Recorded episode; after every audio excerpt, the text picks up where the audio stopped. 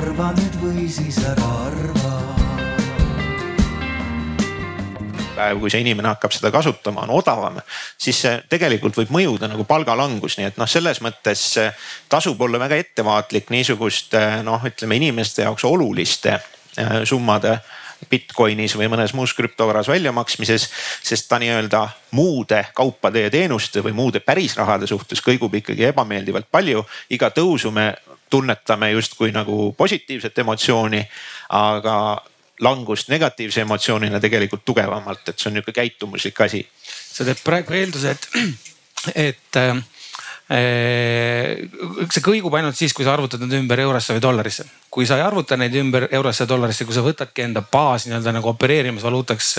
Bitcoini, siis on tegelikult asi natuke teine. ei ole, olen... sest kui sa mõtled sellele, et ma ütlen eurosse no., dollarisse, ma võin öelda ka kohvitassidesse või leivapätsidesse. ja ma ütlengi, et me ei ole tõenäoliselt maailma mõttes veel valmis, et kõik asjad on võimalik konvertida ümber sinna ja kõik asjad opereerivad Bitcoini peal. aga mulle tundub, et äh, vähemalt seda trendi, mis siin nii-öelda viimasel ajal toimub, et järjest rohkem ja rohkem sinnapoole liigub. ehk need ettevõtted, nende alusbilanss või siis vara ongi kõik Bitcoinides, et seda ei konverteeridagi mitte kunagi ümber eurosse või dollarisse aga te olete tõstatanud selles mõttes väga hea nagu fundamentaalse küsimuse, et äh, kui me juba alguses arutasime, et kas tegu on nii-öelda krüptoraha või krüptovaraga, et siis äh, rahal kui sellisel on ikkagi ajalooliselt teatud omadused ja, ja kui me räägime ka konverteeritavusest, siis kui äh, me võtame kasvõi maailma kõik suured valuutad, siis kui me vaatame äh, eurode, dollarite, jeenide ja, ja mõne muu suurema valuuta omavahelisi kursse, siis tegelikult selliseid suuri hüppeid seal väga palju ei ole. on mingeid sündmusi, mis mõjutavad neid Äh, ütleme noh, niimoodi tõesti päevapealt ja järsult, aga üldjuhul on ikkagi see, et äh, täna sa saad enam-vähem eurode eest sama palju dollareid kui, kui kuu või äh, kahe kuu pärast või vähemasti mingil võrreldaval viisil, eks ole, aga, aga Bitcoin oli veel,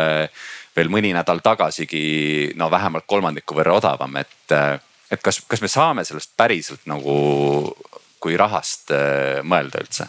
no täna tõenäoliselt ei saa, et see ongi jah, seda volatiilsust on palju, aga seal peab ka aru saama, et miks see volatiilsus tuleb, on ju. et eh, mis need viimasel ajal seda hinda kõvasti mõjutanud on, on see, et eh, Ameerika senatis praegu arutatakse, kuidas ja mismoodi neid krüptovarasid üldse eh, üldse nii-öelda maksustada, ehk see ots on veel täiesti lahtine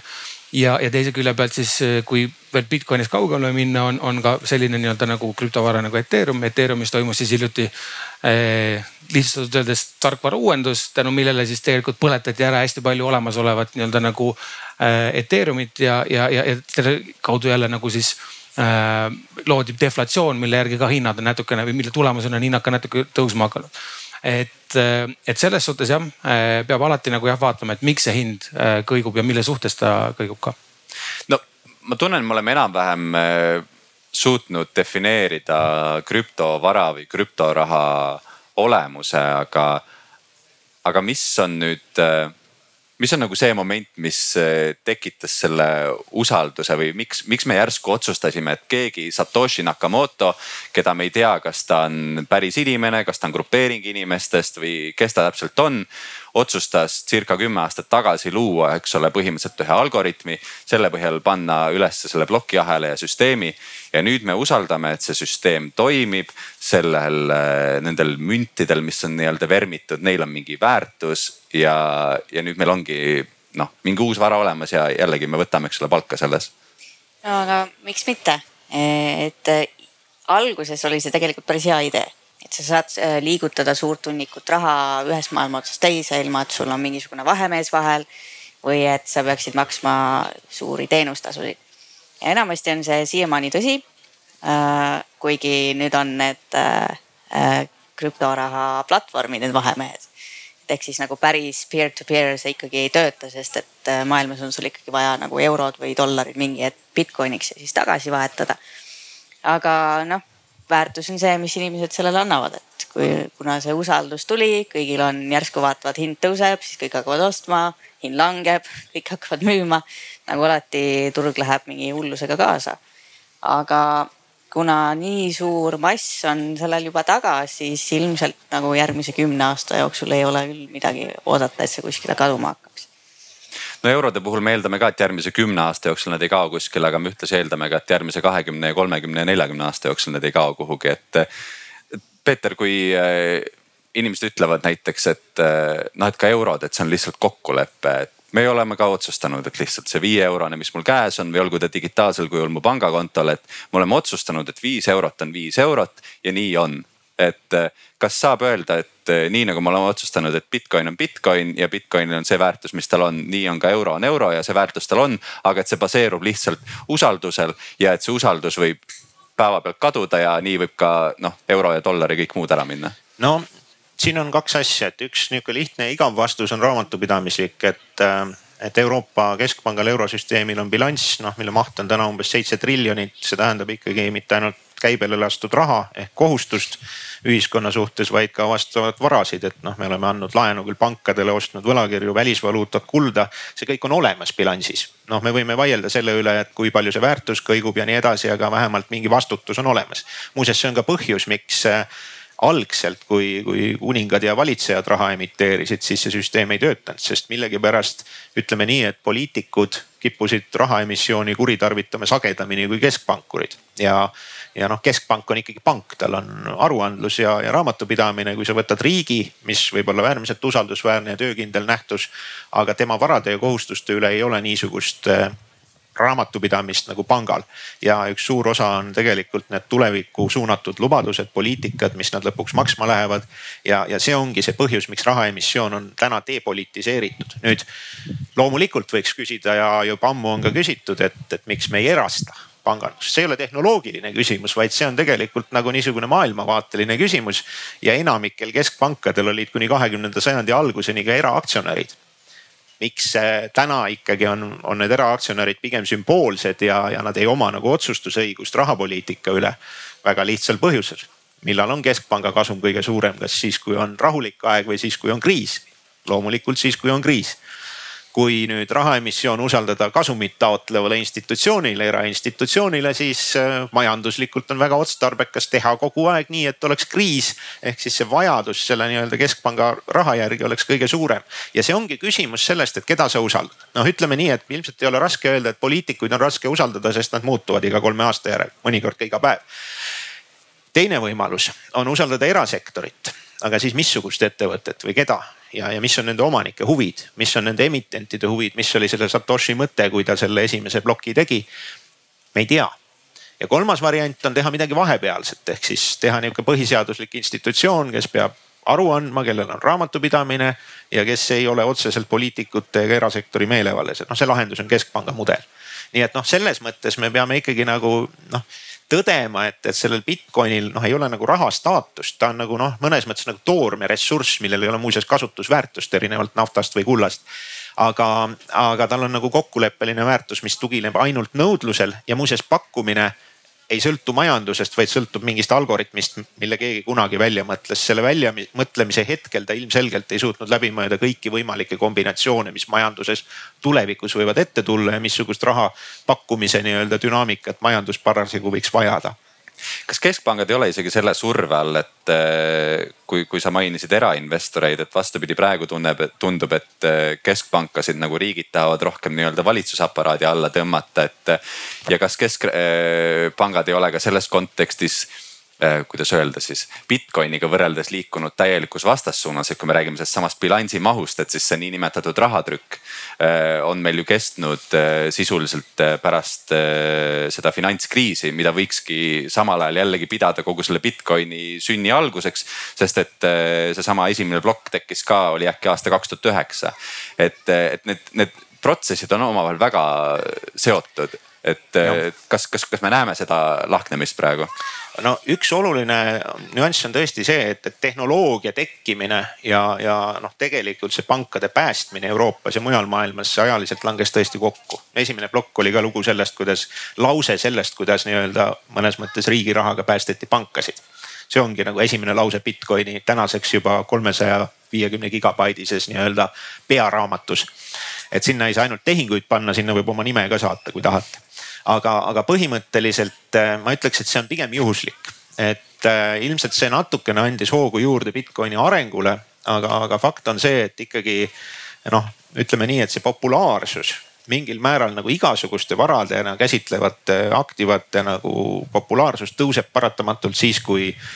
kui parasjagu raha on rohkem turul ja, ja noh, sellel moel me andsime nagu hoogu juurde, mitte ainult aktsiatele, mitte ainult ettevõtete kriisist taastumisele, vaid noh soojendasime oma rinnal ka madu ehk siis äh, keskpanganduse konkurenti, mingisugust krüptovara. no ma ei ütleks, et see oli taotluslik, ma ütleks, et see oli pigem juhuslik ja, ja noh, kui see ei oleks juhtunud nüüd, äh, siis äh, noh, kuskil kümmekond aastat tagasi, siis ta oleks kindlasti tulnud hiljem mingil muul moel ja noh, ega tegelikult seda krüptoraha on üritatud teha ju tunduvalt varem, et, et noh peamine põhjus, miks ta ei ole õnnestunud, on see, et igaüks, kes justkui teeb, ta ei saavuta seda võrgustumise efekti täna see nagu raha suurem kättesaadavus ei tõsta ainult nagu kinnisvara ja, ja aktsiate hindasid, vaid iga muu asja hinda, mis on vara. tõehetk saabub siis, kui seda raha jälle natuke vähem ringluses on Karl, ma alguses äh, lugesin su tiitlina ka krüptoinvestor. mis oli see hetk, kui sina otsustasid, et nüüd on õige aeg sinna oma eurosid paigutada ja kas selleks momendiks oli ka välja kujunenud, äh, nagu Liina juba mainis, ka need börsid, millel nii-öelda vahemehed juba siis, siis neid krüptorahasid liigutavad või, või mis oli see moment sinu jaoks mm? -hmm. sa ütlesid mõned hetked tagasi, et ähm, et me oleme kokku leppinud, et on olemas euro ja euro on ka kümne aasta pärast olemas. ja ma olen sellega igati nõus, aga ma olen ka nõus sellega, et see üks euro täna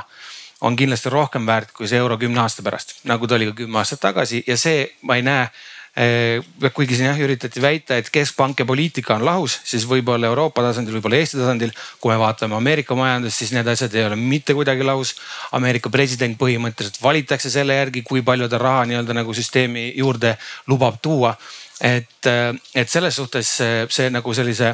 mm, tavapärase selle valuuta, see printimist, ma ei, ma ei näe, kuidas see kinni pannakse üks hetk. ma tõesti ei näe, sest see toob kaasa meile jälle järgmise majandus nii-öelda nagu eh, kriisi ja, ja selle lahendus on jälle see, et peame juurde trükkima hakkama. ehk siis selles suhtes ja, ja, ja võib-olla oligi seesama moment, millal ma ise mõtlesin, et okei okay, see rahatrükk on kestnud juba, ma ei tea, selleks ajaks ta oli võib-olla sihuke kaks tuhat neliteist, viisteist, üks sihuke viis aastat ja kogu aeg öeldakse, et järgmine kvartal vaatame üle, järgmine kvartal vaatame üle ja siis mõtled, et okei okay,, et aga nad on tegelikult rääkinud seda juttu juba ju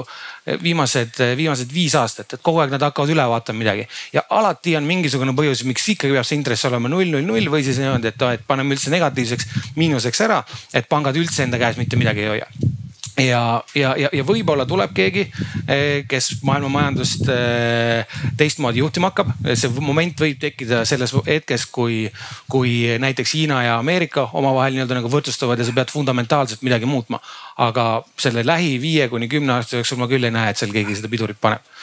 ja, ja, ja, ja, ja sealt tekkiski see huvi nende alternatiivsete varaklasside vastu. Eh, seal oli sellel hetkel oli Bitcoin, aga, aga ma olen ka siin korra juba maininud Ethereumi, äh, mis on põhimõtteliselt nii-öelda nagu sarnane asi, lihtsalt see algoritm on natukene teistmoodi üles ehitatud ja, ja, ja tundub, et ka see on nii-öelda nagu äh, kui ma ise peaks nii-öelda panuseid tegema või noh, olengi neid panuseid teinud, et, et sellest saab siis nii-öelda nagu see järgmine selline suurem ja tugevam varaklass, ütleme, et nagu kuld ja hõbe, siis on nagu nii-öelda Bitcoin ja, ja Ethereum on ju. ja, ja nende börside olemasoluga on jah, see on nüüd sihuke viimaste aastate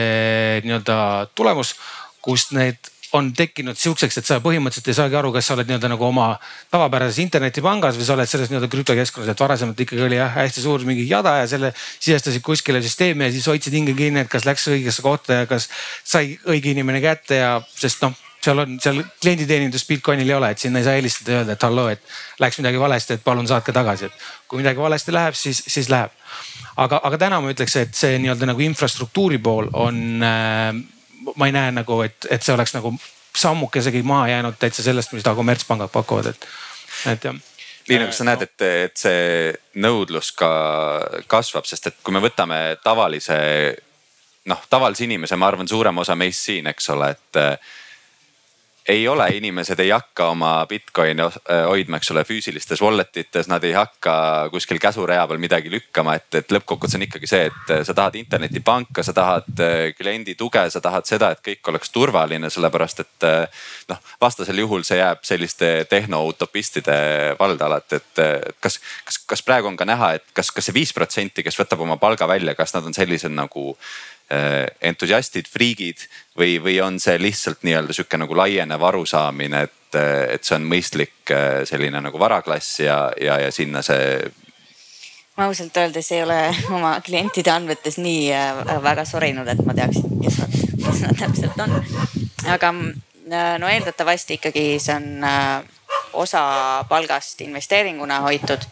ja, ja ma olen nõus, et neid äh, hea kasutajakogemusega platvorme on vaja, sest äh, noh, see, mis alguses oli, oli tõesti, et kirjutada endale üles oma selle private key, siis kaotad ära ja siis mis sa teed, siis on läinud. et äh, äh, kui meil ei oleks äh, platvorme, millel on hea kasutajakogemus, siis äh, oleks suhteliselt keeruline kellelegi seletada, et kust ta seda Bitcoini ostab, miks, kuidas et praegu on väga lihtne, mine Coinbase'i, tee konto, pane oma email sinna ja osta, müü, vaheta, tee mis tahad. aga kas see platvormide väljakujunemine seekaudu ei ole ikkagi ähm,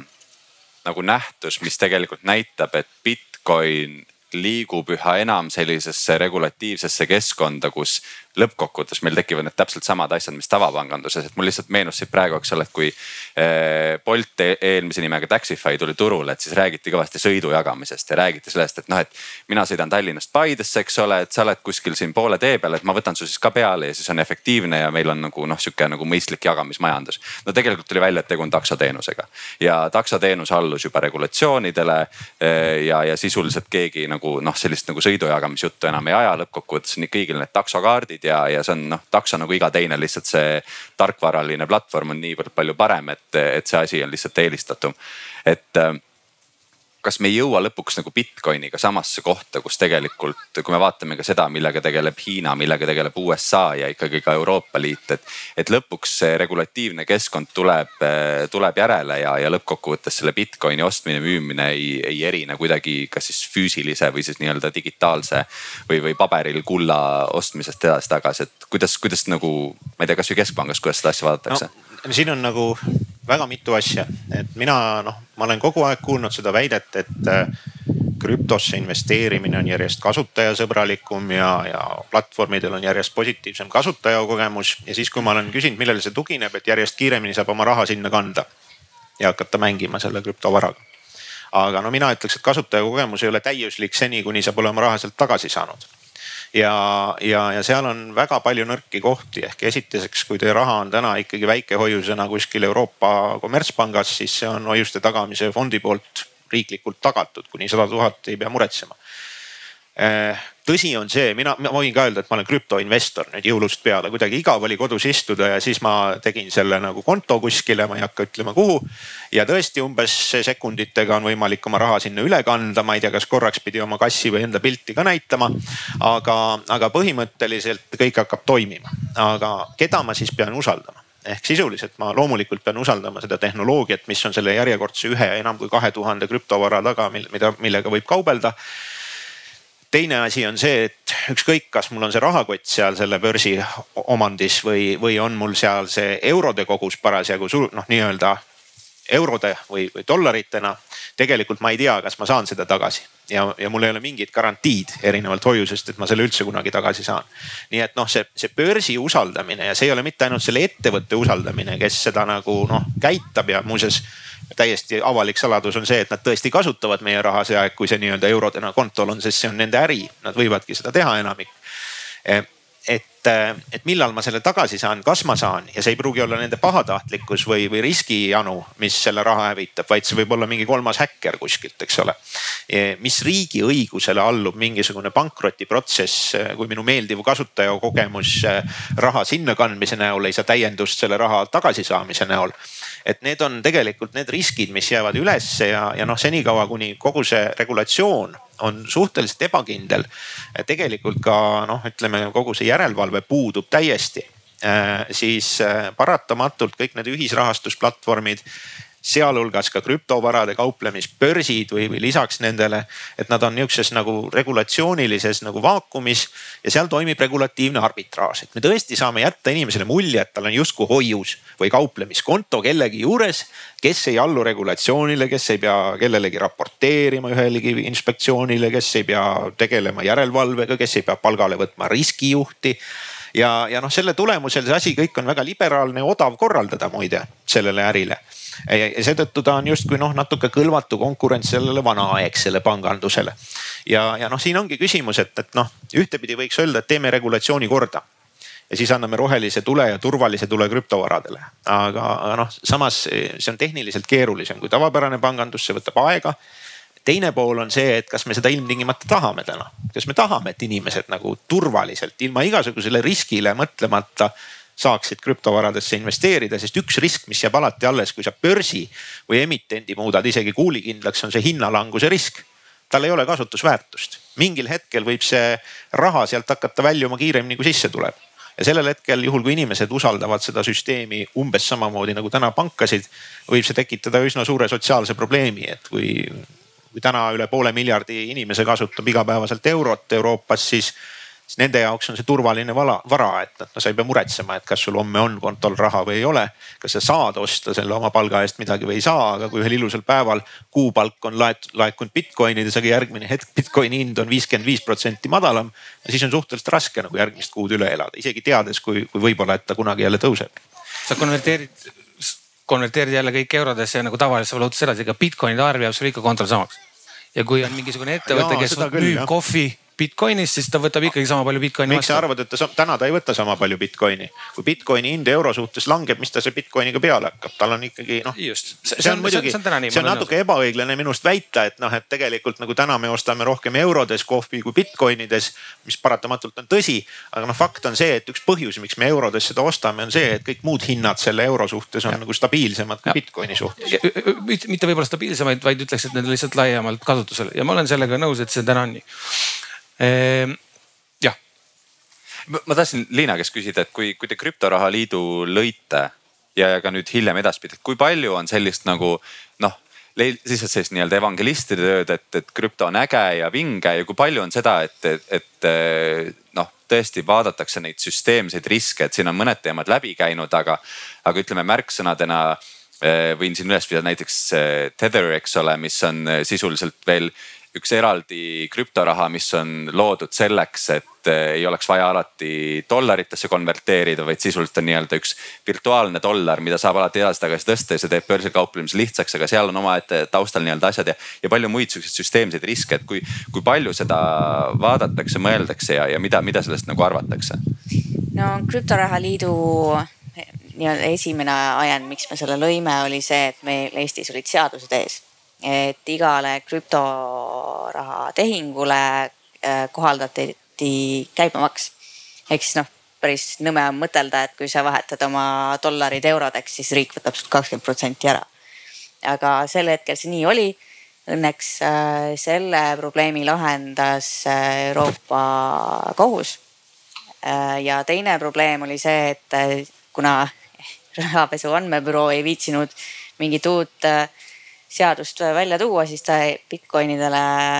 kohaldati ka see face to face regulatsioon, mis oli mingisuguse e-raha jaoks. ehk siis, kui sa müüsid üle tuhande euro väärtuses krüptoraha, siis sa pidid inimest nagu näost näkku tuvastama, mis ei ole nagu päris normaalne. kui sa tahad teha krüptoplatvormi, näiteks Coinbase, mis on praegu börsil ja väärt miljardeid Äh, tahtis panna kontori püsti Eestisse, mis oleks meie ühiskonnale väga suur võit olnud, aga nad ei saanud seda teha, sest nad ütlesid, et sorry, aga kuidas me müüme krüptot, kui me peame inimesele nagu otsa vaatama. et äh, regulatsioon on kindlasti vajalik, aga alguses me tegime seda väga valesti Eestis. ja siis saadi selleks lõpuks aru ja nüüd äh,, nüüd on asjad kindlasti paremaks liikunud, et äh, regulatsiooni on vaja. aga mitte seda valet sorti, mida üritati siis äh, alguses Bitcoinile panna, et inimesed seda jumala eest ei kasutaks igaks juhuks Karl, sa ütlesid enne, et, et noh, et Bitcoin on Bitcoin sõltumata sellest, mida, kuidas muutub tema kurss eurodesse, aga. Aga üks selline süsteemne risk, millest ma tunnen, et ülemäära tihti ei räägita ja ma tahakski võib-olla saada su perspektiivi, et kas on siis nii suur risk või mitte, et. kui me räägime jälle kasvõi sellest Satoshist või me, või me räägime mõnest teisest nii-öelda suurest vaalast, et siis tegelikult krüptoturgudel kui me võtame selle terviku, eks ole, sajana, siis hinnanguliselt on siin kuni üheksakümmend protsenti kuulub väga väikesele seltskonnale inimestest, mis tähendab seda, et nagu muudelgi turgudel, kui sul on selline mass taga, siis sinu võime turgu manipuleerida on erakordselt kõrge. et, et kas sellepärast tuntakse ka muret, et mulle, mulle ausalt öeldes jääb tunne, et ei tunta tuleb öelda, et väga ei tunta küll jah, maailma rahaga suht samamoodi, ega sellest nii-öelda enamus kuulub väga väiksele seltskonnale inimesele, et, et selles suhtes võib-olla selle riskiga me tänu sellele olemegi nagu harjunud, et see, see, see nii on. Aga, ja ma tahaks ka öelda, et, et ma usun, et regulatsioon on väga-väga oluline selles valdkonnas ja see peaks olema. aga mida mulle tundub ka, et, et see probleem, mida me teeme, on see, et me üritame kõike seda krüpto ja siis isegi väga hästi enne ütlesid, et see ei ole raha et on tegelikult varad, et me üritame teda reguleerida täpselt samamoodi nagu täiesti tavalist raha, et sa vaatad, okei okay,, Bitcoin ja euro ja paneme enam-vähem nii-öelda nagu samad reeglid peale. ehk tegelikult seda tasuks äkki rohkem vaadata seda Bitcoini ja tegelikult siis seda, millele ta põhineb, ehk seda plokiahelat kui ühte tehnoloogiat ja ühte tehnoloogilist võimalust. ja, ja see Bitcoin tegelikult on üks nii-öelda nagu rakendus või aplikatsioon, mis on sinna peale üldse nagu ehitatud. et, et neid tegelikult saab ehitada sinna igasuguseid teisi veel ja sellega lahendada ära Äh, väga palju teistsuguseid muresid ja ka selle arveldusprotsessi muuta täiesti noh, mitte selliseks, nagu ta täna on, et sul on mingi konto ja mul on konto ja kui ma midagi ostan, siis ma vajutan kuhugi ja siis see raha läheb üle, et. et äh, seal tõenäoliselt on lihtsalt ka tehnoloogiliselt võimalik neid äh, olukordi lahendada täiesti teistmoodi me mainisime enne siin korra omavahel vestlustes NFT-sid, mis on siis ka üks nii-öelda nagu aplikatsioon või rakendus, mis on ehitatud plokiahela peale. see põhimõtteliselt siis non-fungible token või ehk siis nagu põhimõtteliselt lihtsalt äh, digitaalne kood, mis kinnitab, et sa omad mingisugust nii-öelda nagu vara ja, ja selle digitaalse koodi sa võid panna külge absoluutselt ükskõik mis asjale ja täna, kus seda praktiliselt kõige rohkem kasutatakse, on, on siis nii-öelda internetis kunst ja erinevaid nii-öelda nagu pilte ja kogu seda asja müüakse. ja ja mis see tegelikult äh, võimaldab ja, ja siis võib-olla, kus ta puutub kokku mu sihukese nagu igapäevatööga ka Telias, on see, et, et äh, me ostame väga palju näiteks televisiooni jaoks igasuguseid autoriõiguseid. Äh, ja, ja, ja kui neid autoriõiguseid oleks võimalik läbi selle plokiahela nii-öelda nagu transportida selliselt, et, et panna sinna need nii-öelda nagu tingimused külge, ütleme näiteks, et sul on mingisugune film, mida ma tahan osta sinna plokiahelasse me kirjutame siis nii-öelda selle NFT valmis seda, sa saadad mulle selle filmi faili, sinna on sisse kirjutatud lepingu alusel, et seda filmi faili on võimalik mängida, ma ei tea, kolme kuu jooksul kaks korda eh, nendel kellaaegadel on võimalik näidata, kasutades seda süsteemi. ja mujal see fail ei tööta, näiteks see on plokk peal, ma ei saa neid autoriõiguseid või nagu meievahelist kokkulepet mitte kuidagi rikkuda. nüüd, kui ma olen need ära teinud, seda kaks korda mänginud ja klientidele näidanud ja sellest tulu kätte saanud, siis see fail lihtsalt kustub ära ja ongi kõik et, et see on nagu näiteks üks täiesti nagu teine võimalus ja siis see arveldamine ja tasustamine toimub seal taga automaatselt. et me ei pea enam nii-öelda nagu omavahel minema kuskile panka ja ütlema, et ahah, et näed, et sa saad arve ja, ja, ja, ja siis toimub mingisugune clearing nende vahel ja nii edasi. et see on nagu noh, üks nendest näidetest, kus see äh, nii-öelda nagu äh, plokiahel ja Bitcoin ja, ja Ethereum ja kõik need asjad võimaldavad tegelikult opereerida meil täiesti teistmoodi üks lihtne näide, mida me siin eile arutasime ka, et näiteks kui sa tahad kodulehele võtta mingisugust fotot. ja, ja, ja täna sa lähed, ostad selle sealt kuskilt Shutterstocki andmebaasist on ju. noh, see omanik, kes selle pildi teinud on, ega sa kunagi ei tea, kas ta paneb selle üles siis päriselt ka sinna, kuhu ta ostis või mitte aga, aga läbi selle plokiahela jälle on võimalik väga konkreetselt need tingimused sinna külge panna. on võimalik väga konkreetselt mõelda, et iga kord, kui seda pilti näidatakse, näiteks siis kantakse automaatselt kohe seal plokiahelas sulle see null koma null null null null mis iganes sent on ju. ja, ja, ja seal ei olegi rohkem küsimust, et kas keegi rikub mingeid autoriõiguseid või mitte, vaid lihtsalt see probleem ongi sellist moodi nagu ära lahendatud. ehk siis sisuliselt lahendatakse internetiajastu kõige suurem probleem, ehk siis äh, kui vanasti sai ajalehte müüa niimoodi, et äh, müüd kümme lehte ja on äh, kümme lugejat, et siis nüüd on niimoodi, et sul on üks artikkel ja keegi teeb copy paste ja kogu Facebook on seda täis, et. et mõnes mõttes me saame luua nii-öelda taas unikaalseid digitaalseid asju. just just ja see, see ma ütlengi, et siin sa võid digitaliseerida, ma ei tea, puud või lehed või kaablid või mis iganes asjad. jah. et see on äh, kohati isegi natukene kurb, et, et kogu see plokiahela tehnoloogia sai nagu kogu selle nagu tähelepanu läbi selle justkui vara või raha emissiooni, sest tegelikult noh, selle käigus lahendati ära nii-öelda topeltkulutamise probleem ehk siis tõesti ühte biti jada kaks korda nagu ühel samal otstarbel kasutada on tehniliselt kopeerimise teel väga lihtne. aga kui sa suudad luua infrastruktuuri, kus see on võimatu, siis tegelikult muutuvad paljud asjad palju lihtsamaks ja võimalikumaks. aga seal tekib ka teatud piir ette, et kui meil on näiteks avalik plokiahel, noh kus kogu see nii-öelda ajalugu on kirjas mis oleks nagu kaunim mõte, kui korraldada näiteks e-valimised nii, et sa saad oma token'i või oma ballot'i või, või oma valimissedeli. sa pistad selle sinna süsteemi ja te tegelikult sa näed, et see läks ja võeti arvesse lõpuks. et see ongi üks sellest kolmest nii-öelda häälest, mis sinu lemmiksaadik sai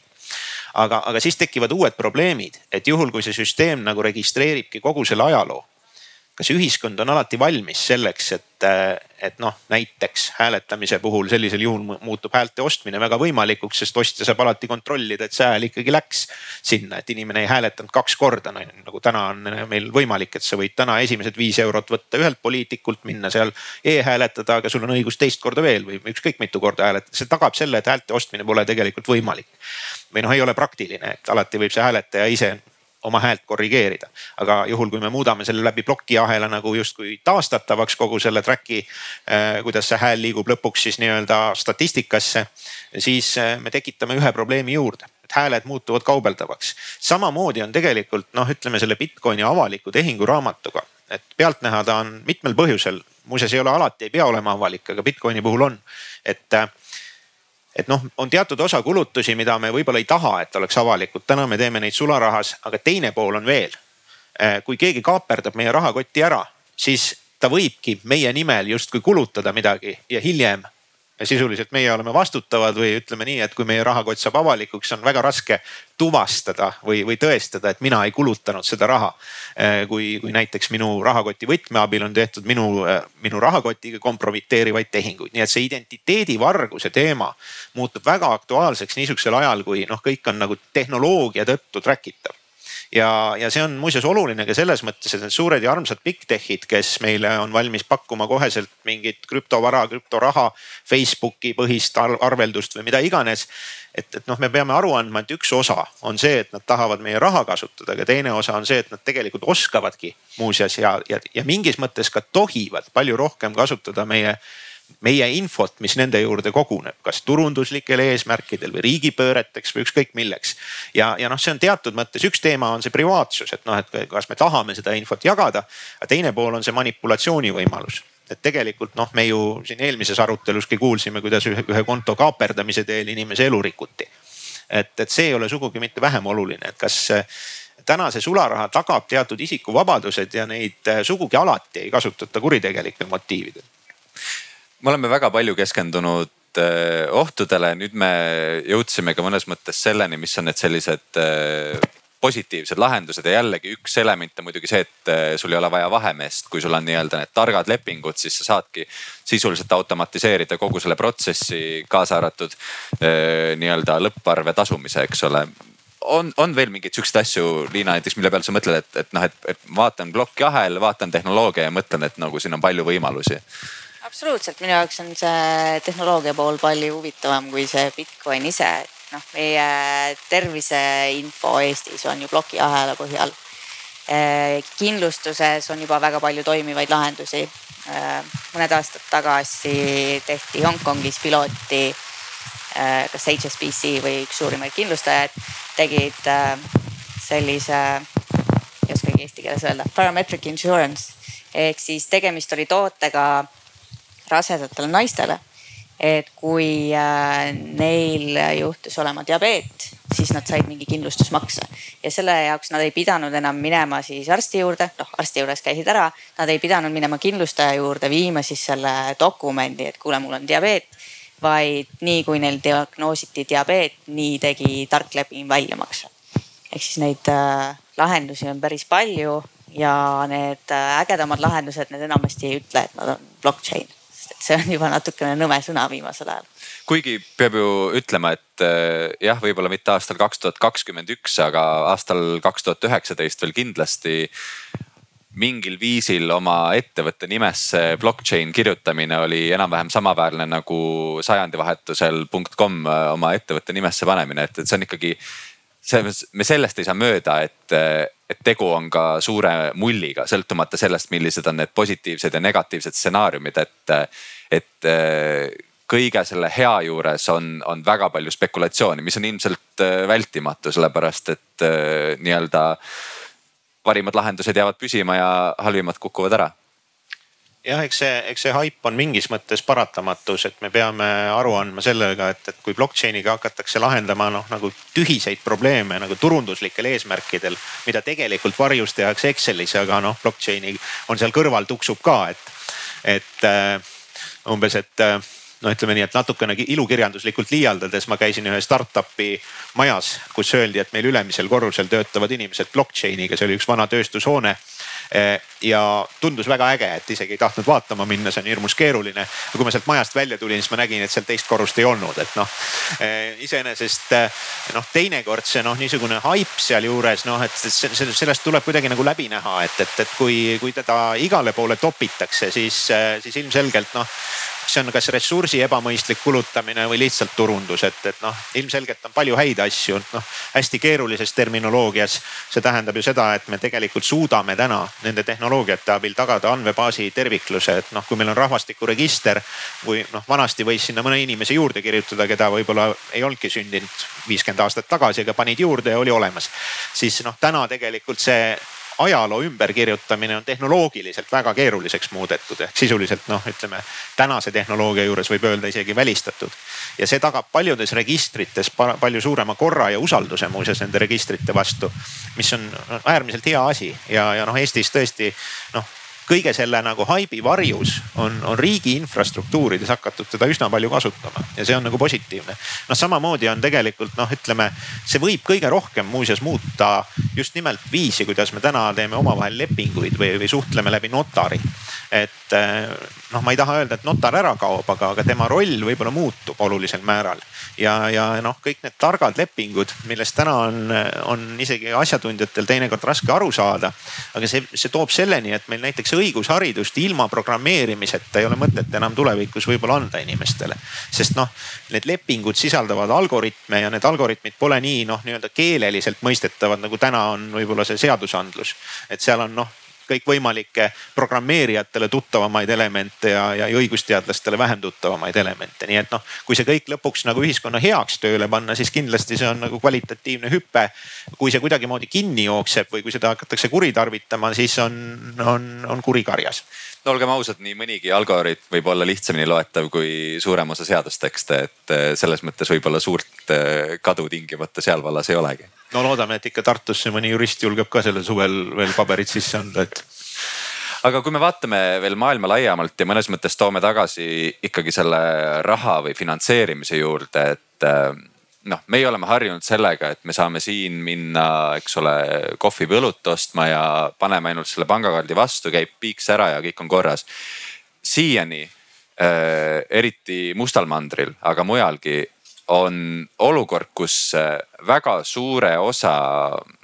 majandustegevusest äh, jääb tegemata puhtalt seetõttu, et meil ei ole võimalik seda finantseerida. sul on mõni äh, Aafrika põllumees, kellel on oma karjaloomad, kellel on oma mingid äh, põllusaadused ja üksnes selle müümine ja selle raha siis nagu saamine ja hoiustamine, kogu see asi on niivõrd keeruline, et me tegelikult ei kujuta seda endale ette, et kas me võime prognoosida sellise nagu positiivse stsenaariumi puhul, et ka krüptovarade kaudu eh, paraneb võimekus nagu üleüldiselt üle maailma erinevaid asju finantseerida, sest et noh, kui me vaatame Aafrikas praegugi, siis eh, seal on väga paljusid eh, lahendusi, mida veel pikka aega ja võiks öelda tänasenigi noh, sellises nii-öelda klassikalises mõttes läänemaailmas ei kasutata, et mobiilimaksed kui sellised on Aafrikas juba väga ammu, aga need mobiilimaksed on midagi muud, kui meie nagu mobiilimaksetena ette kujutame, et, et, et kas, kas, kas me oleme sellise nagu finantsrevolutsiooni lävel? mulle endale tundub, et see mm, probleem seal Aafrikas võib-olla ei ole niivõrd selles, et, et see tehnoloogia ei ole kättesaadav, kuivõrd selles, et kes on see osapool, kes on nõus võtma selle riski, et seal seda asja üldse nii-öelda nagu ajama hakata. et et, et see võib-olla on nagu isegi, isegi võib-olla nii-öelda nagu, nagu suurem, suurem probleem selles, et, et jah, kui sul sinna plokiahela peal need lahendused on olemas ja seda identiteeti kuidagi nagu lihtsam ja, ja turvalisem nii-öelda kinnitada oleks, et kellele siis lõpuks selle kitse ostmiseks selle raha laenad ja, ja kuidas selle tagasi saad. et ma, mulle pigem tundubki, et, et see probleem on jah, pigem sellest ongi, et, et, et see infrastruktuur, kuidas kogu seda asja seal nagu majandada üldse, et see on nii-öelda nagu puudu ja, ja see on ka see põhjus, miks võib-olla väga palju investeeringuid seal täna ei ole. ja teistpidi on see ilmselt põhjus, miks äh, nii-öelda mobiilsed tehnoloogiad või mobiilimaksed kiiremini arenevad, sest ei ole seda noh, nii-öelda vanamoodsat pangandust varjus või ees. Et noh, see on üks innovatsiooni põhjusi, et sa võid mõne etapi vahele jätta, aga noh, küsimus ongi selles, et kas see nende ühiskonna jaoks täna on piisavalt turvaline eh, et nad kasutavad mobiilimakseid, võib-olla noh, juhul kui näiteks ei ole usaldusväärset raha parasjagu, kasutavad mingit krüptovara selle asemel et noh, kui palju nad tegelikult no endale aru andmata võtavad täiendavaid riske selle juures, et noh, me võime öelda küll, et noh krüptovara eriti nende stablecoin'ide maailmas, millest me palju pole rääkinud, mis üritavad siis ka euro suhtes olla stabiilse väärtusega. ja noh, sisuliselt ongi justkui digitaliseeritud eurodega erasektori poolt täna Eh, või dollarid. et, eh, et noh, tegelikult see noh loob võimaluse, et kui, kui noh, niisugune primitiivne ja korrupteerunud ühiskond pidi kasutama Ühendriikide dollarit sularahana oma kohaliku tugriku asemel, mis eh, lihtsalt hävis ostujõus tundides. et siis täna on tal no just digitaalne alternatiiv ja seetõttu on võib-olla see niisugune dollariseerumine läbi krüptodollari või euro või mingisuguse krüptovara just nagu mugavam ja lihtsam ja noh, võib-olla sellel on teatud ühiskonna nagu arenguetappides isegi noh, teatav nagu, nagu positiivne roll aga, aga noh, olles seda öelnud, noh tegelikult äh,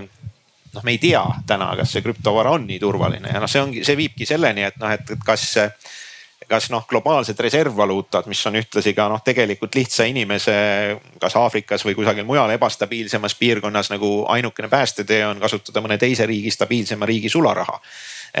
kui päris bensiinis ei taha arveldada. et, eh, et noh, kas see, kas see krüpto on piisavalt turvaline, kui, kui võrrelda seda näiteks Ühendriikide dollari või, või täna euro sularahaga. ja, ja noh, nad võivad astuda nagu ühest ämbrist järgmisse lihtsalt selle teel, et ja siin ongi noh, üks oluline roll on see, et, et noh, et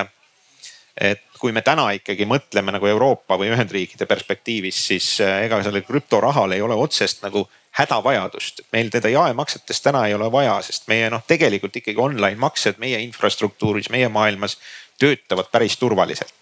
aga noh, seal teises maailmas, kus ikkagi arveldatakse mitte kohalikus rahas, sest see on ebausaldusväärne, vaid pigem Ühendriikide dollaris ja vähesemal määral ka eurosularahas. et noh, seal oleks sellest digitaalsest eurost ja dollarist natuke rohkem võib-olla abi ja, ja noh, see ei ole nagu noh, nii-öelda humanitaarabi selles kontekstis, aga, aga teatud mõttes noh nihuke üllas panus keskpankuritelt, et, et me loome nagu noh, globaalse inimõiguse läbi selle, et stabiilne maksekeskkond ja maksevahend on meie poolt olemas. ma jäin siin korrates, kuulates korra mõtlema sellele, et tegelikult ju kogu sinna Aafrika sinna infrastruktuuri väga suuri ja väga palju investeeringuid teeb täna Hiina ja nendel on täiesti teadlik valik, et, et nii-öelda eh, seal oma nii-öelda võimu suurendada ja kinnitada et, et kas see on ka see koht, kus võib tekkida siis ka nii-öelda nagu dollari ja jüääni omavaheline nii-öelda nagu võistlus, et, et kumb selle nii-öelda turu justkui nagu kiiremini üle võtab, sest see on selge, et mida rohkem mingisugust valuutat kasutatakse, seda nii-öelda nagu väärtuslikum ta selle riigi nii-öelda nagu jõu jaoks on. Et ja, ja nüüd arvestades nagu seda konteksti, siis võib-olla tõesti tekib sealt mingist hetkest nii-öelda nagu motivatsioon äh, ehitada see infrastruktuur sinna niimoodi, et tõesti see, see, eh, see, see eh, nii-öelda kitsepidaja saab laenu võtta ja, ja, ja sellisel juhul tõesti võib-olla on siis juba see krüpto ja, ja need nii-öelda nagu plokiahelal põhinevad tehnoloogiad lihtsamini scale itavad, kuna nagu sa enne mainisid ka, seal ei ole tõesti seda vana pangandust legacy't all, et sinna saab neid süst, lihtsamaid süsteeme nagu kiiremini ja mugavamalt peale ehitada. Liina, sul oli mõte?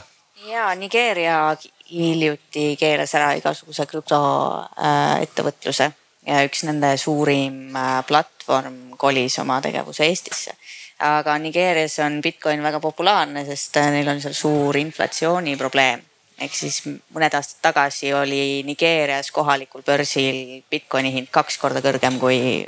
kuskil mujal. ehk siis nad kasutavad äh, krüptoraha väga äh, suhteliselt aktiivselt ja mitte nii nagu meie siin läänes, et äh, ostad, et äkki aasta pärast maksab rohkem, vaid nad kasutavad seda äh, tehingutena et saata ühest maailma otsast teise, sest et kui üks päev on sul naira väärt, ma ei tea, midagi, siis järgmine päev võib olla kümme korda vähem. ehk siis nende jaoks on isegi volatiilne Bitcoin äh, parem, parem valik kui kohalik valuuta. Aga mida see tähendab ikkagi krüptovarasse investeerija jaoks, sellepärast et kas see lõppeesmärk ei peaks olema ikkagi see, et kui ka Bitcoinist saab päriselt raha, kuigi räägitakse juba nüüd, et Bitcoinist ei peagi raha saama, et Bitcoin nendest krüptovaradest ongi see nii-öelda kulla ekvivalent ja siis Ethereum või mõni kolmas on siis nii-öelda see päris äh, tavaline nii-öelda sularaha. et äh, sel hetkel, kui sellest saab päris raha, peaks ju ideeliselt äh, selle raha hoidmine eesmärgiga, et selle raha hind kasvaks, olema täiesti mõttetu. me ei, me ei, praegu me ju räägime, et issand, meie eurod põlevad, eks ole, inflatsioon siin nüüd vist oli viis protsenti, eks ole, aastases võrdluses. et, et inimesed nagu tunnevad muret selle üle, et nende eurod põlevad, aga, aga neid samu Bitcoin'e, eks ole, hoiame niimoodi, et kus, kus see nagu tasakaalupunkt on või, või mida investor vaatab eh, ka nagu selle raha arengu mõttes ja ehm, et, et selles suhtes ongi jah, et ka täna nii-öelda oma investeeringuid vaadates, et, et tegelikult kui nüüd nagu see nagu nii-öelda osadeks ära jaotada, ega seal ma tunnistan, et ega mul seal Bitcoinis nagu nii palju seda osa ei olegi. ja kokku võib-olla mul on seal erinevad nagu kümmekond vara. et äh, ja, ja, ja, ja ongi, siin on neid nii-öelda nagu tuntumaid ja vähem tuntumaid nii-öelda nagu krüpto, krüptovarasid kõvasti veel, et, et siin, ma ei tea, Polkadot, Avalanche, Cardano, mis iganes. Ja nad kõik on äh, täna siuksed nii-öelda nagu selles Eh, sihukest lootusandvast faasist, et äkki nendest saab midagi sellist, mis lahendab ära mingisuguse järgmise probleemi. on see siis, eh, ma ei tea, transaktsiooni kiirus, on see mingisuguse regulatsiooni andmine, on see mingisugune anonüümsuse tagamine, nagu enne mainiti ka, et blockchain'is on kõik tehingud täna lahti, eh, sa võid ka kirjutada nii-öelda vabalt ühe krüptovaluuta, kus need tehingud on kõik kinni. et, et, et, et seda jah, täna tõesti ei tea, et milline see nii-öelda nagu asi nendest lendab ja väga suur tõenäosus on ka, et nendest ei lenda mitte midagi ja sest see tegelikult ka ju noh,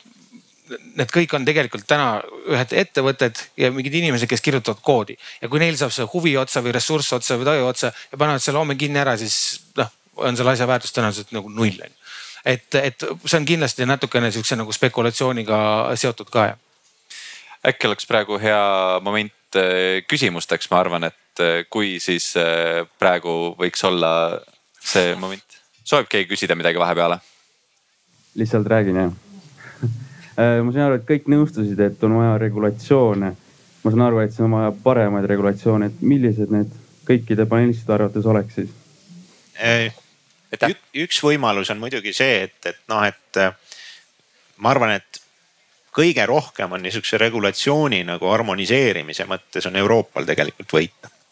Et äh, me oleme ikkagi täna noh, meil on ühine raha olemas, eks ole, me võime selle teha digitaalseks jumala eest, kui keegi tahab, siis digitaalne euro on ilmselt juba täna päris võimalik, aga noh, veel ilusam on ta võib-olla mõne aasta pärast see võimalus.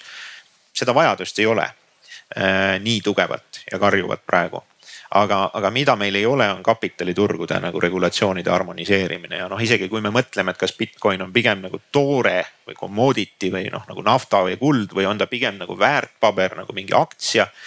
noh, selles ei ole selgust. aga palju suurem probleem selle taustal on see, et tegelikult meil ei ole ka Euroopa Liidu ega euroala riikide hulgas ju ühtset arusaama tsiviilõigusest või, või pankrotiprotsessidest.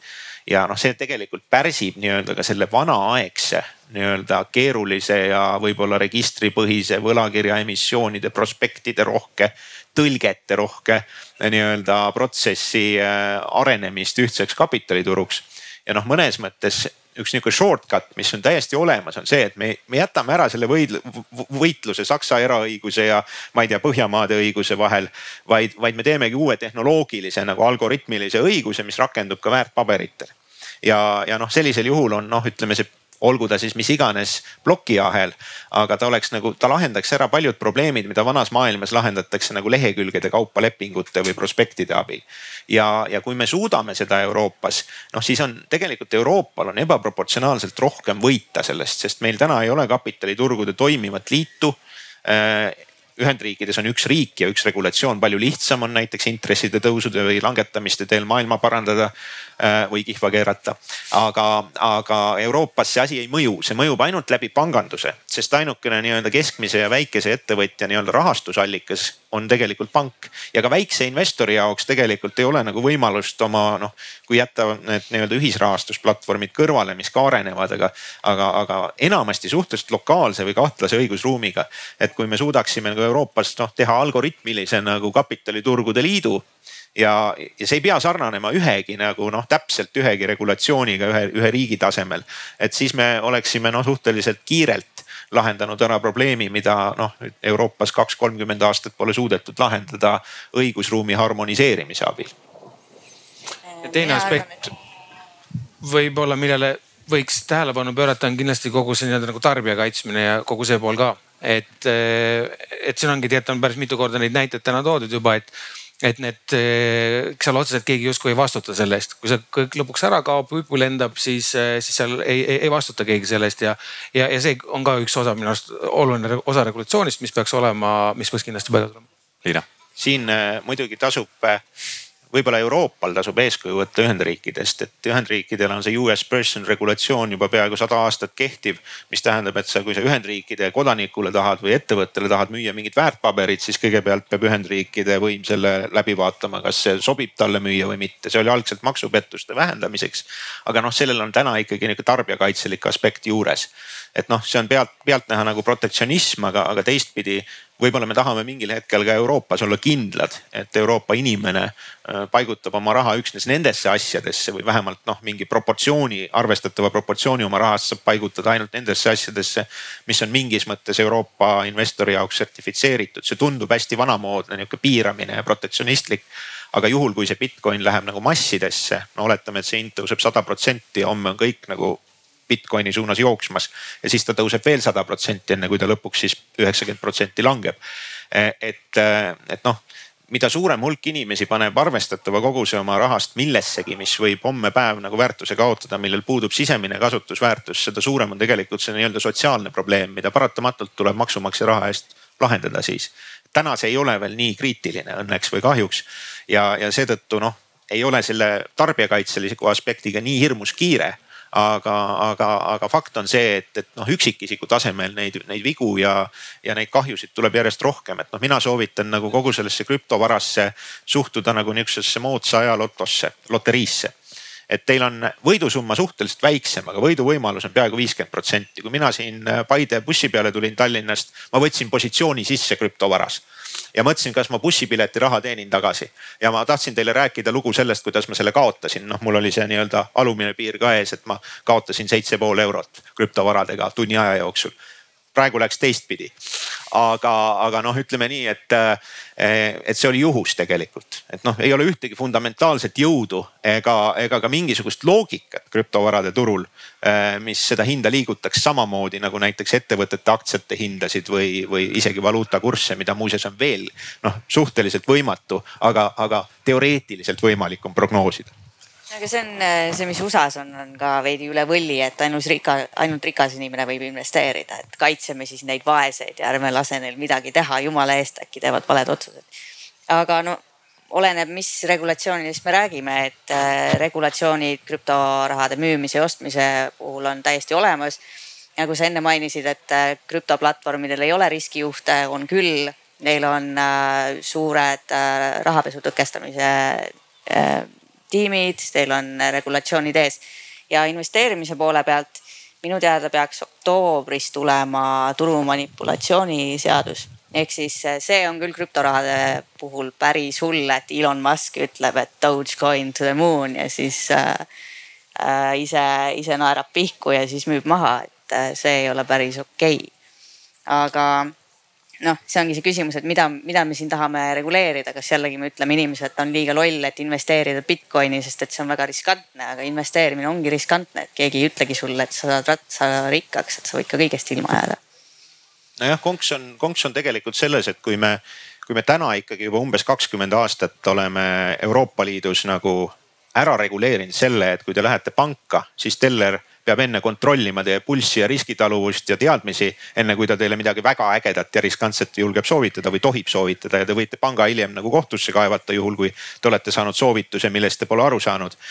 Ähm, siis krüptovarade puhul piisab mingisugusest ähm, kosmonaudist kusagil, kes ütleb, et see hakkab üles liikuma ja kõik tormavad. et, et noh, selles mõttes ähm, regulatsioon on lokaalsem ja, ja krüptovara on globaalsem ehk äh, tegelikult need protsessid, mis mõjutavad krüptovarade hinda, noh ei sõltu liiga palju isegi sellise suure nagu majandusruumi nagu Euroopa Liit regulatsioonidest. et seal on vaja noh, nagu niisugust koostööd suuremate vahel, ma arvan, et nii Aasia, Ameerika kui Euroopa vahel. seda on väga raske nagu ette kujutada, et see lühikese aja jooksul toimiks. Ja alati jäävad noh, niisugused augud, et noh, meil on küll see onboard imine hästi nagu startup'i terminoloogias, ma saan aru, et onboard imine tähendab seda, et mingisugune alamakstud haigutav eh, noh, ütleme tudeng kuskil vaatab teie seda dokumenti ja teie fotot ekraanil ja siis otsustab, et kas see kassipilt sarnaneb sellele juhilubade pildile ja ütleb, et okei okay,, las ta sarnaneb. või ta on sellel hetkel oma võileiba söömas ja vajutab. ja noh, mõned firmad on selle lahendanud ka sellega, et nad ütlevad, et neil tegeleb sellega ai, mis tähendab seda, et noh, te peate aru saama, et nende äri jaoks on, on nii-öelda edu see, kui nad saavad rohkem kliente ja kui ai kogemata onboard ib nagu seitse kassi ja ühe koera, siis see on neile positiivne ja nad ütlevad, et kui keegi on süüdi, siis on süüdi see ai, eks ole, ja riik, kes sellest ai algoritmist aru ei saanud ja neil seda ära ei keelanud. et noh, selles mõttes see on niisugune moodsa aja indulgents on tegelikult see vastavuskontroll läbi tehisintellekti või, või mille iganes, et noh, see on justkui delegeerimine mingile arvuti algoritmile mingisuguse rahapesu tõkestamise värgi ja, ja juhul, kui sa ütled, et tegelikult selleks filtriks on seesama ettevõte ise, kelle jaoks iga klient on väärtuslik, ka kass või koer siis, siis põhimõtteliselt noh, sa ei saa oodata, et see tulemus on sama tõhus kui mingi regulatsioon või mingisugune regulatiivne nagu politseinik seal ukse peal. aga, kas ju... panga jaoks ei ole siis iga klient äh, vajalik? no pankade, vot see on nüüd, see on teine asi, et, et pangad tegutsevad väga suure ja väga kaua välja töötatud regulatsiooni tingimustes, et pangandus on noh, ühiskonnale nii oluline. et, et tegelikult seal noh, esiteks ühtegi krüptovara nagu platvormi operaatorit ei saa kriminaalkoodeksi alusel noh, nii-öelda vangi saata, välja arvatud juhul, kui ta sõna otseses mõttes raha ära varastab, kui noh, kui ta mingi protseduurilise vea kuskil teeb, ma ei usu, et ta vangi läheb. Äh, aga ainukene seadus, kus nii-öelda juhtimisvead on kriminaalselt korras karistatavad, on tegelikult krediidiasutuste seadus enamikes riikides aga sellest, sellest hoolimata on inimeste nagu äh, suhtumine finantssüsteemi või noh, ma üldistan inimeste, aga kui ma võtan selliste nagu sõnakamate inimeste suhtumine finantssüsteemi on ikkagi see, et äh, noh, nemad koorivad ükskõik kuidas, et koorivad nad tehingutasudega, koorivad nad turu kuidagi noh, kui mitte manipuleerimise, siis ajastamisega ja nii edasi, nii edasi, nii edasi, et kas, kas selle emotsiooni pealt äh, puhtalt saab prognoosida, et, et kogu sellel nagu krüptomajandusel laiemalt on selline noh, selge lõputu eluiga, et, et see on nii-öelda tulnud, et jääda või saame me veel öelda, et on olemas mingi võimalus, et käib mingi süsteemne pauk ja kogu see asi saab otsa. Bitcoini hind on sõna otseses mõttes null eurot. ikka saab, et äh, selles mõttes äh, on üsna tõenäoline, et äh, et selle võib käivitada mingi suurema börsi ebaõnnestumine, kus inimesed nagu noh, lihtsalt ei suuda enam eristada neid platvorme, mis on usaldusväärsed nendest, mis ei ole ja siis on kiiresti vaja raha välja võtta ja noh, paratamatult, kui sa selle nii-öelda krüptovara vahetad selleks nii-öelda sularahaks, siis noh, krüptovara tuleb müüa ja selle hind hakkab langema. aga ühe sihukese kriisi on Bitcoin üle elanud. Mount Coxi eh, börsi kukkumine oli see kaks tuhat seitseteist äkki või? jah, neid on mõned ja, ja seda on praegu noh piiranud seda nii-öelda ebaõnnestumist, on natukene ära hoidnud see, et selle krüpto populaarsus kogu aeg tegelikult kasvab, et, et kui üks niisugune keskmine börs nagu ebaõnnestub, siis see nii-öelda sularaha või pangaraha sissevool sinna on nii suur, et see kompenseerib selle. teine võimalik viis ebaõnnestumiseks on ka olemas, et me tegelikult mõnes riigis nagu suures riigis või keskmises riigis keelame ära selle konvertimise, ütlemegi, et, et sa ei või enam nagu krüptovara osta, nii nagu mõnes riigis on ka tehtud noh, loomulikult seal on mingid nõela noh silmad, mille kaudu saab läbi minna, aga kui see nagu koduperenaine enam nii lihtsalt ei saa krüptosse minna nagu täna. noh, siis mingi osa sellest rahast, mis otsib nagu kiire rikastumise võimalust, ei voola enam nii kiiresti sisse ja noh, see võib põhjustada ka hinnalangust siin jäi enne kõlama justkui nagu mulje, nagu seal krüptomaailmas oleks kõik asjad nagu täiesti nagu suvalise süsteemi järgi ja finantsmaailm meil on nii ilusti ära reguleeritud, et seal üldse mingisugust nagu õnnetust juhtuda ei saa. et eh, ma mõtlen, et eh,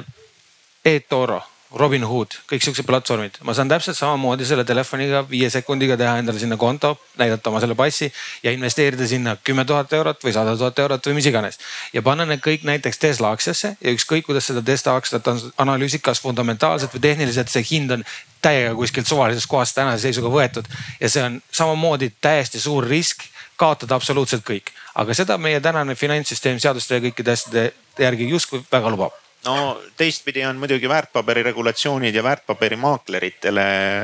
noh, nii-öelda esitatud järelevalve regulatsioonid päris äh, tõsised, et noh, kuni selleni välja, et tegelikult osades fondides on mitte ainult see kohustuslik, et fondihaldusettevõte peab mingi raha nii-öelda deponeerima, mõnel juhul peab fondijuht isiklikult oma vara ka panema sinna potti, mida ta investeerib. Et, et noh, see on nagu välja töötatud aastate jooksul, see ei ole täiuslik, loomulikult eksisteerib pettus selles vanas maailmas päris palju aga, aga lihtsalt need võimalused krüptomaailmas on osaliselt seoses regulatsiooni puudusega, osaliselt võib-olla seoses selle tehn-, tehnika nagu keerukusega. Nad on lihtsalt suuremad ja, ja teine noh, oht on see, et krüptol on liiga hästi läinud et noh, seda niisugust noh, natukene nagu nihukest nagu kindla peale minekut krüptovaradesse raha paigutamises nagu mina Paidesse sõitmises, noh, ma ikka sisemas lootsin, et see seitse eurot tuleb ju tagasi ma ei tea, nüüd vist on miinus seitse jälle, aga,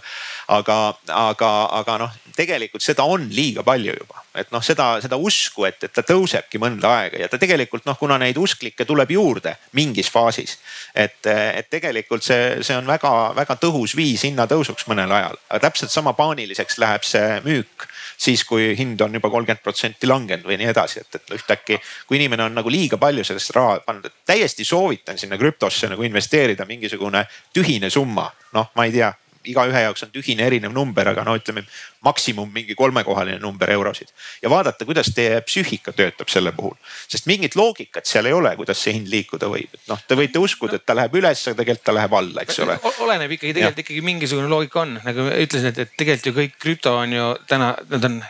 ettevõtted, startup'id, kes arendavad mingisugust tarkvara ja, ja nende puhul on väga võimalik ja väga konkreetne hinnata seda progressi, kas nad on saanud järgmise programmi reliisi valmis, kas sealt tuleb järgmine update, kas see on selleks ajaks, millal nad on lubanud seda, kas see tuli täpselt niimoodi ilma bugide ja probleemideta välja, nagu nad lubasid? No,. ja selle järgi nii, saadki hinnata, et näed, et see tehnoloogiline on. mis sa arvad, kui suur on nende investorite proportsioon või hulk peale sinu, kes niimoodi mõtlevad, kui nad raha panevad? aga see on hoopis teine probleem. No,, siis on teadlikkuse küsimus on ju, et siis, siis on teine probleem, et ja, ja samamoodi küsida, et noh,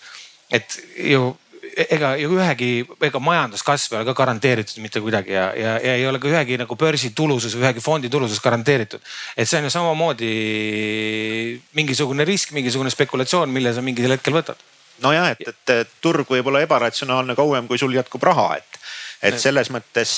noh, need vanad seadused kehtivad loomulikult, aga noh, selles krüptomaailmas need protsessid toimivad oluliselt kiiremini, et need võivad olla teie kasuks, võivad olla teie kahjuks. Äh, noh, ütleme nii, et, et tegelikus maa noh, ütleme vanas maailmas on ikkagi ettevõttel mingisugune äriidee, mingi ärimudel, mis genereerib kasumit ja siis sa diskonteerid seda tulevast kasumit tänasesse päeva. mõnikord kõrgema, mõnikord madalama intressiga. noh, startup'i maailmas on see kasum niisugune sümboolne asi seni kuni, äh, kuni päike paistab. et, äh, et noh tegelikult on see, on see teatud mõttes ikkagi noh, väga paljude niisuguste krüptoideede aluseks on ikkagi niisugune mõõdukas Bonsi skeem, et see ärimudel nagu toimib ta, ta on töökindel aga, aga juhul, kui sinna liiga palju raha sisse panna, siis ta ei tasu enam ennast ära. Ja noh, täpselt samamoodi on ju nende paljude niisuguste platvormidega, noh, ma ei hakka siin neid nimetama, aga, aga mis, mis näiliselt nagu ongi jagamismajandus või mida iganes aga millel me ei ole näinud kasumit kümme aastat, võib-olla viis aastat, ei näe veel, võib-olla ei näe neid platvormigi kuue aasta pärast, et, et noh, see, see narratiiv sealjuures, see on justkui kuulikindel aga ta läheb nagu raisku siis, kui liiga palju raha sinna liigub, sest siis see ei tasu enam ennast ära, et, et kui see nagu koodiprogrammeerija seal, kes seda äppi teeb, mis justkui miljardite inimesteni peaks jõudma. kui ta saab juba liiga kõrget palka, siis inimesed ei jõua nii palju nagu pitsat tellida, et see ära tasuks tulevikus. kas meil on vahepeal küsimusi tekkinud? ja tere, äh, Andres Sutt, IT ja ettevõtlusminister äh, ma tulen tagasi natuke selle jutu juurde või teema juurde, mida siin ka kergelt avati, et, et kui me võtame ettevõtte, ükskõik, kas ta on startup või ta on tavaline ettevõte, oled sa võlakirjainvestor või kui sa oled aktsiainvestor, sul on tööriistad, kuidas mõõta ja hinnata selle ettevõtte tuleviku väärtust. teed noh, nii nagu äh, Lauri, äh, Peeter ütles, eks ole, et kas teed diskonteeritud rahavoogusid või, või vaatad kordajaid või vaatad mingeid muid asju või noh, valuutade puhul tegelikult ju sama asi, et, et sul on äh, teada, et selle riigi taga on majandus või selle valuuta taga sul on intressimäärade erinevused, noh, sa näed, eks ole, kuidas need valuutad üksteise suhtes liiguvad. mis on nüüd nagu see hea meetod, millega mõõta krüptovarade väärtust tulevikus ja mis on nende siis see sisemine väärtus, mida nad tegelikult äh, võiksid luua? no see oleneb äh, krüptorahast. et noh okei okay,, Bitcoin oli esim-, esimene, aga seal on mitmeid teisi, näiteks Ethereumi point ei ole kunagi olnud äh, raha. et see on ikkagi tarkvara ja eeter seal tehnoloogias kinnitab neid tehinguid.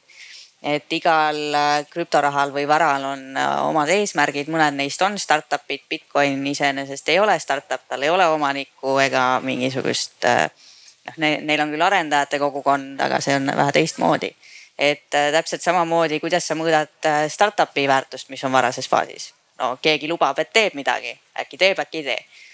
et igal juhul äh, ilmselt, ilmselt lootus on seal kindlasti ja kas sa, kas sa leiad, et sellel asjal on mõtet või ei ole, kas ta lahendab mingit tehnoloogilist probleemi. et hetkel spekulatsioon Bitcoini puhul kindlasti jah, ja teine on ka hästi lihtsalt vaadata, mida poliitikud teevad ja kuidas rahanduspoliitikat aetakse. et eh, nagu me siin enne diskuteerisime, et, et väga palju trükitakse juurde dollareid ja kogu seda, mis tähendab, et selle raha väärtus tahes-tahtmata läheb alla. mis tähendab, et, et, et kuskilt peab hakkama midagi alternatiivset tekkima ja, ja krüptovarad on nendeks täna ma ütleks isegi väga hästi tõestanud, et, et üks hea alternatiivne klass nende jaoks no üks ohtlik alternatiiv krüptovarale on tegelikult riigi enda keskpanga digitaalne baasraha, et, et kui mõni suur riik selle ära teeb, noh siis Bitcoini nagu teatud mõttes väärtus kaob ära, et noh, seal on oluline see, et kui palju me nagu piirame selle riikliku baasraha nagu kasutatavust, kas me tahame rahapesu vastu võidelda või, või kuidas, kuidas me ühiskonnale selgitame neid piiranguid, mis seal võib-olla võrreldes Bitcoiniga paratamatult võivad tekkida. aga, aga noh, päris reaalne on ikkagi see, et täna on, on õitsenud need krüptovarad osaliselt sellepärast, et justkui nagu mingisugune kasutuslugu on olemas justkui mingisugune niisugune loogika, miks teda vaja oleks, on, on olemas, anonüümsus, offline, mõnel juhul ka kiiremad maksed mõne riigi jaoks. aga, aga ei ole nagu riiklikku noh, mingis mõttes nagu alternatiivi ja teda ei ole ikkagi jätkuvalt sellepärast, et riigid, kes on võimelised seda tegema, ei pea seda hetkel nagu kõige, kõige vajalikumaks. kui mõni selle kogemata ära teeb, et, et sellisel juhul noh, tegelikult see maailm võib nagu Bitcoini jaoks kokku kukkuda või vähemalt olulisel määral muutuda no oleneb, täna vist kõige lähemal või kõige kaugemal selle asjaga on Hiina. ja ma ei kujuta ette, kes näiteks siinolijatest vabatahtlikult Hiina riigi poolt välja emiteeritud digitaalset raha kasutada tahaks, kus on siis igat senti ja igat eurot võimalik täitsa sada protsenti track ida on ju, et, et ma ei näe, et alternatiivid selle kõrvalt nii-öelda nagu kohe ära kaduma no, peaks. kui see oleks Euroopa või, või Ühendriigid või Ühendkuningriik no,. jälle sihuke usalduse küsimus on ju, et eh, ma, ma eeldan ka muidugi seda, et eh, nii Euroopas ja Ühendriikidest ehitatakse see eh, nii-öelda nagu valuuta või see digitaalne valuuta juba täiesti teiste nii-öelda isikuomadustega üles, kui, kui seda Hiina teeb. kus on sellel noh, väga konkreetne eesmärk seda võimalikult täpselt ja konkreetselt kontrollida. kuulge, ma küsin teie käest äh, lõpetuseks, et mitte seda nagu liiga poliitiliseks ajada, et äh, teadupärast septembris nüüd äh, esimesed inimesed, kes seda soovisid, saavad kätte oma pensioni teise samba raha, juhul kui nad otsustasid selle välja võtta, et. kui te oleksite olnud üks nendest inimestest, kes välja võtab ja ma ei küsi, kas te ka päriselt võtsite või mitte, et mis te teeksite selle rahaga? kas paneksite kogu täiega Bitcoini, kas usaldus selle valuuta vastu on selline või jääksite ikkagi millegi konservatiivsema juurde? Äh, kogu täiega ei ole mõtet äh, kogu oma raha kuskile panna, et äh, tuleks ikka valida erinevad varaklassid igaks juhuks, kui üks läheb põhja, siis mõni äkki ei lähe. aga, aga krüptovaluutal on kindlasti üks koht nii-öelda sinu portfellis? kindlasti üldiselt on nii, et isegi kui me kujutame ette, et, et ta on midagi toormetaolist, see krüptovara, et siis äh, noh, väga riskialti investori portfellis seda ikkagi üle viieteist protsendi ei tohiks seda nagu ägedat asja olla. kui ta on nagu väga noor, et võib-olla siis kakskümmend protsenti, kui ta on väga vana ja tal on seda raha ikkagi lähemas perspektiivis kui kakskümmend aastat vaja, siis, siis tegelikult ikkagi on mõistlik mitte ainult hajutada, vaid ka väiksemaid riske võtta, sest vot selle krüptovara puhul on küll nii, et noh, et see on uus fenomen ja see ei ole see, et sa ostad nagu ma ei tea, viiskümmend protsenti Bitcoini ja siis ma ei tea, kakskümmend viis Ethereumi ja jumal teab veel, mis coin'i veel kolmandaks. et sa siis hajutad, tegelikult see nähtus ise võib muutuda, ta võib ära kaduda, ta võib õitseda. ja, ja seda näitab ka see, et tegelikult nende krüptovarade hinnad on noh väga tugevas korrelatsioonis täna, et, et noh, et kui üks tõuseb, see liider Bitcoin, siis teised väga sageli liiguvad tema sabas. nii et noh pigem ma soovitaks ikkagi olla nagu väga ettevaatlik ja, ja noh, see on ikkagi see raha, see osa rahast, mida te päriselt olete ka valmis kaotama, millega te neid ägedaid asju julgete teha ja no siis on teil valida mitte ainult Bitcoini või nafta või kulla vahel, vaid tegelikult on teil valida ka igasuguste startup'ide, ühisrahastuste, muude vahel. noh, te peate leppima sellega päriselt ka, et teil seda raha ei pruugi olla homme. ja, ja, ja võib-olla see vara jääb alles, aga ta on miinuses teil kümme aastat kui ta on hästi hajutatud, võib-olla ta on kunagi kümne-viieteist aasta pärast jälle plussis ja kui väga hästi läheb, noh siis teil võib seda olla homme juba võib-olla viiskümmend protsenti rohkem. sellepärast ma ütleksin, et see on nagu loterii element selles investeerimisportfellis, see ei ole see, millega nagu põhiline raha koju tuuakse, vaid see on noh, niisugune noh vaheldus et, äh, et kui te täna ostate lotopileti, siis teie võiduvõimalus on väga väike, aga võit on väga suur. noh, nende alternatiivsete investeeringutega, noh, te te ei tuhandekordista oma raha väärtust järgmise loosimise järel või järgmisel kauplemispäeval. aga noh, teil võib nii-öelda üles minna see või alla minna ja te peate mõlemaks olema valmis. ja, ja noh, selles valguses noh, ütleme nii, et, et ma kohtleks teda kui ühte kõige riskantsemat varaklassi ja oleks väga ettevaatlik ja, ja noh, võib-olla see seitse eurot kunagi tuleb tagasi, mine sa tea, et kui sa oled selline inimene, kes on oma pensioni välja võtnud ja sul ei ole ühtegi head plaani, mida sellega teha, siis ma arvan, et sul on sellest riskitajust ja igasugusest tuleviku vaatamisest nagu suhteliselt ükskõik. ja, ja, ja kui sa oled võtnud selle raha välja, sa oled kaotanud kakskümmend protsenti tulumaksu, kui sa kasutasid rahavabaks.ee, siis sul on enamus sellest rahast praktiliselt pool sellest läinud. et minu poolest sul polegi ühtegi muud varianti, kui ainult krüptosse panna. või loteriisse. või, või loteriisse. või loteriisse lihtsalt hoida sõrmed peas, äkki õnnestub aga ma muidugi loodan, et sa üldse ei võta välja ja ikkagi mõtled teisiti. ei no aga lot loteriist võidab vähemalt kultuur, ma ei tea, mida sellest krüptost keegi võidab, et. energiatootjad. müüja, kes müüb sulle kallimalt, kui ta ostis. no aitüma, ma loodan, et äh, saite selle teema asjus natukene targemaks, sellepärast et äh, ma kohtan, ma olen teinud suve jooksul sellist äh, noh, antropoloogilisi vaatluseid ja jälginud oma erinevates sõpruskondades, millest siis nagu räägitakse ja, ja minu üllatuseks ikkagi, kui ma käisin ka oma vanade kooliaegsete kuttidega käisime jalgpalli vaatamas, et siis see investeerimisjutt oli ikkagi nagu noh, selline peamine ja sealhulgas ka krüptojutt, et, et, et ma tunnen, et selge selline mitteesindusliku valimi põhjal see, see tunnetus sellest, et, et need krüptoasjad on väga populaarsed, on, on selgelt olemas, aga, aga jah, oluline on see, et et neid asju tehtaks teadlikult, kaasa arvatud ka riski mõttes, et võib kõrge riski võtta, aga siis peab aru andma endale, et see on kõrge risk. aga Liina Laas, aitäh, Peeter Luikmäe, aitäh, Karl Anton, aitäh. minu meelest oli väga huvitav vestlus, aitäh kuulamast ja mõnusat festivali. selge see,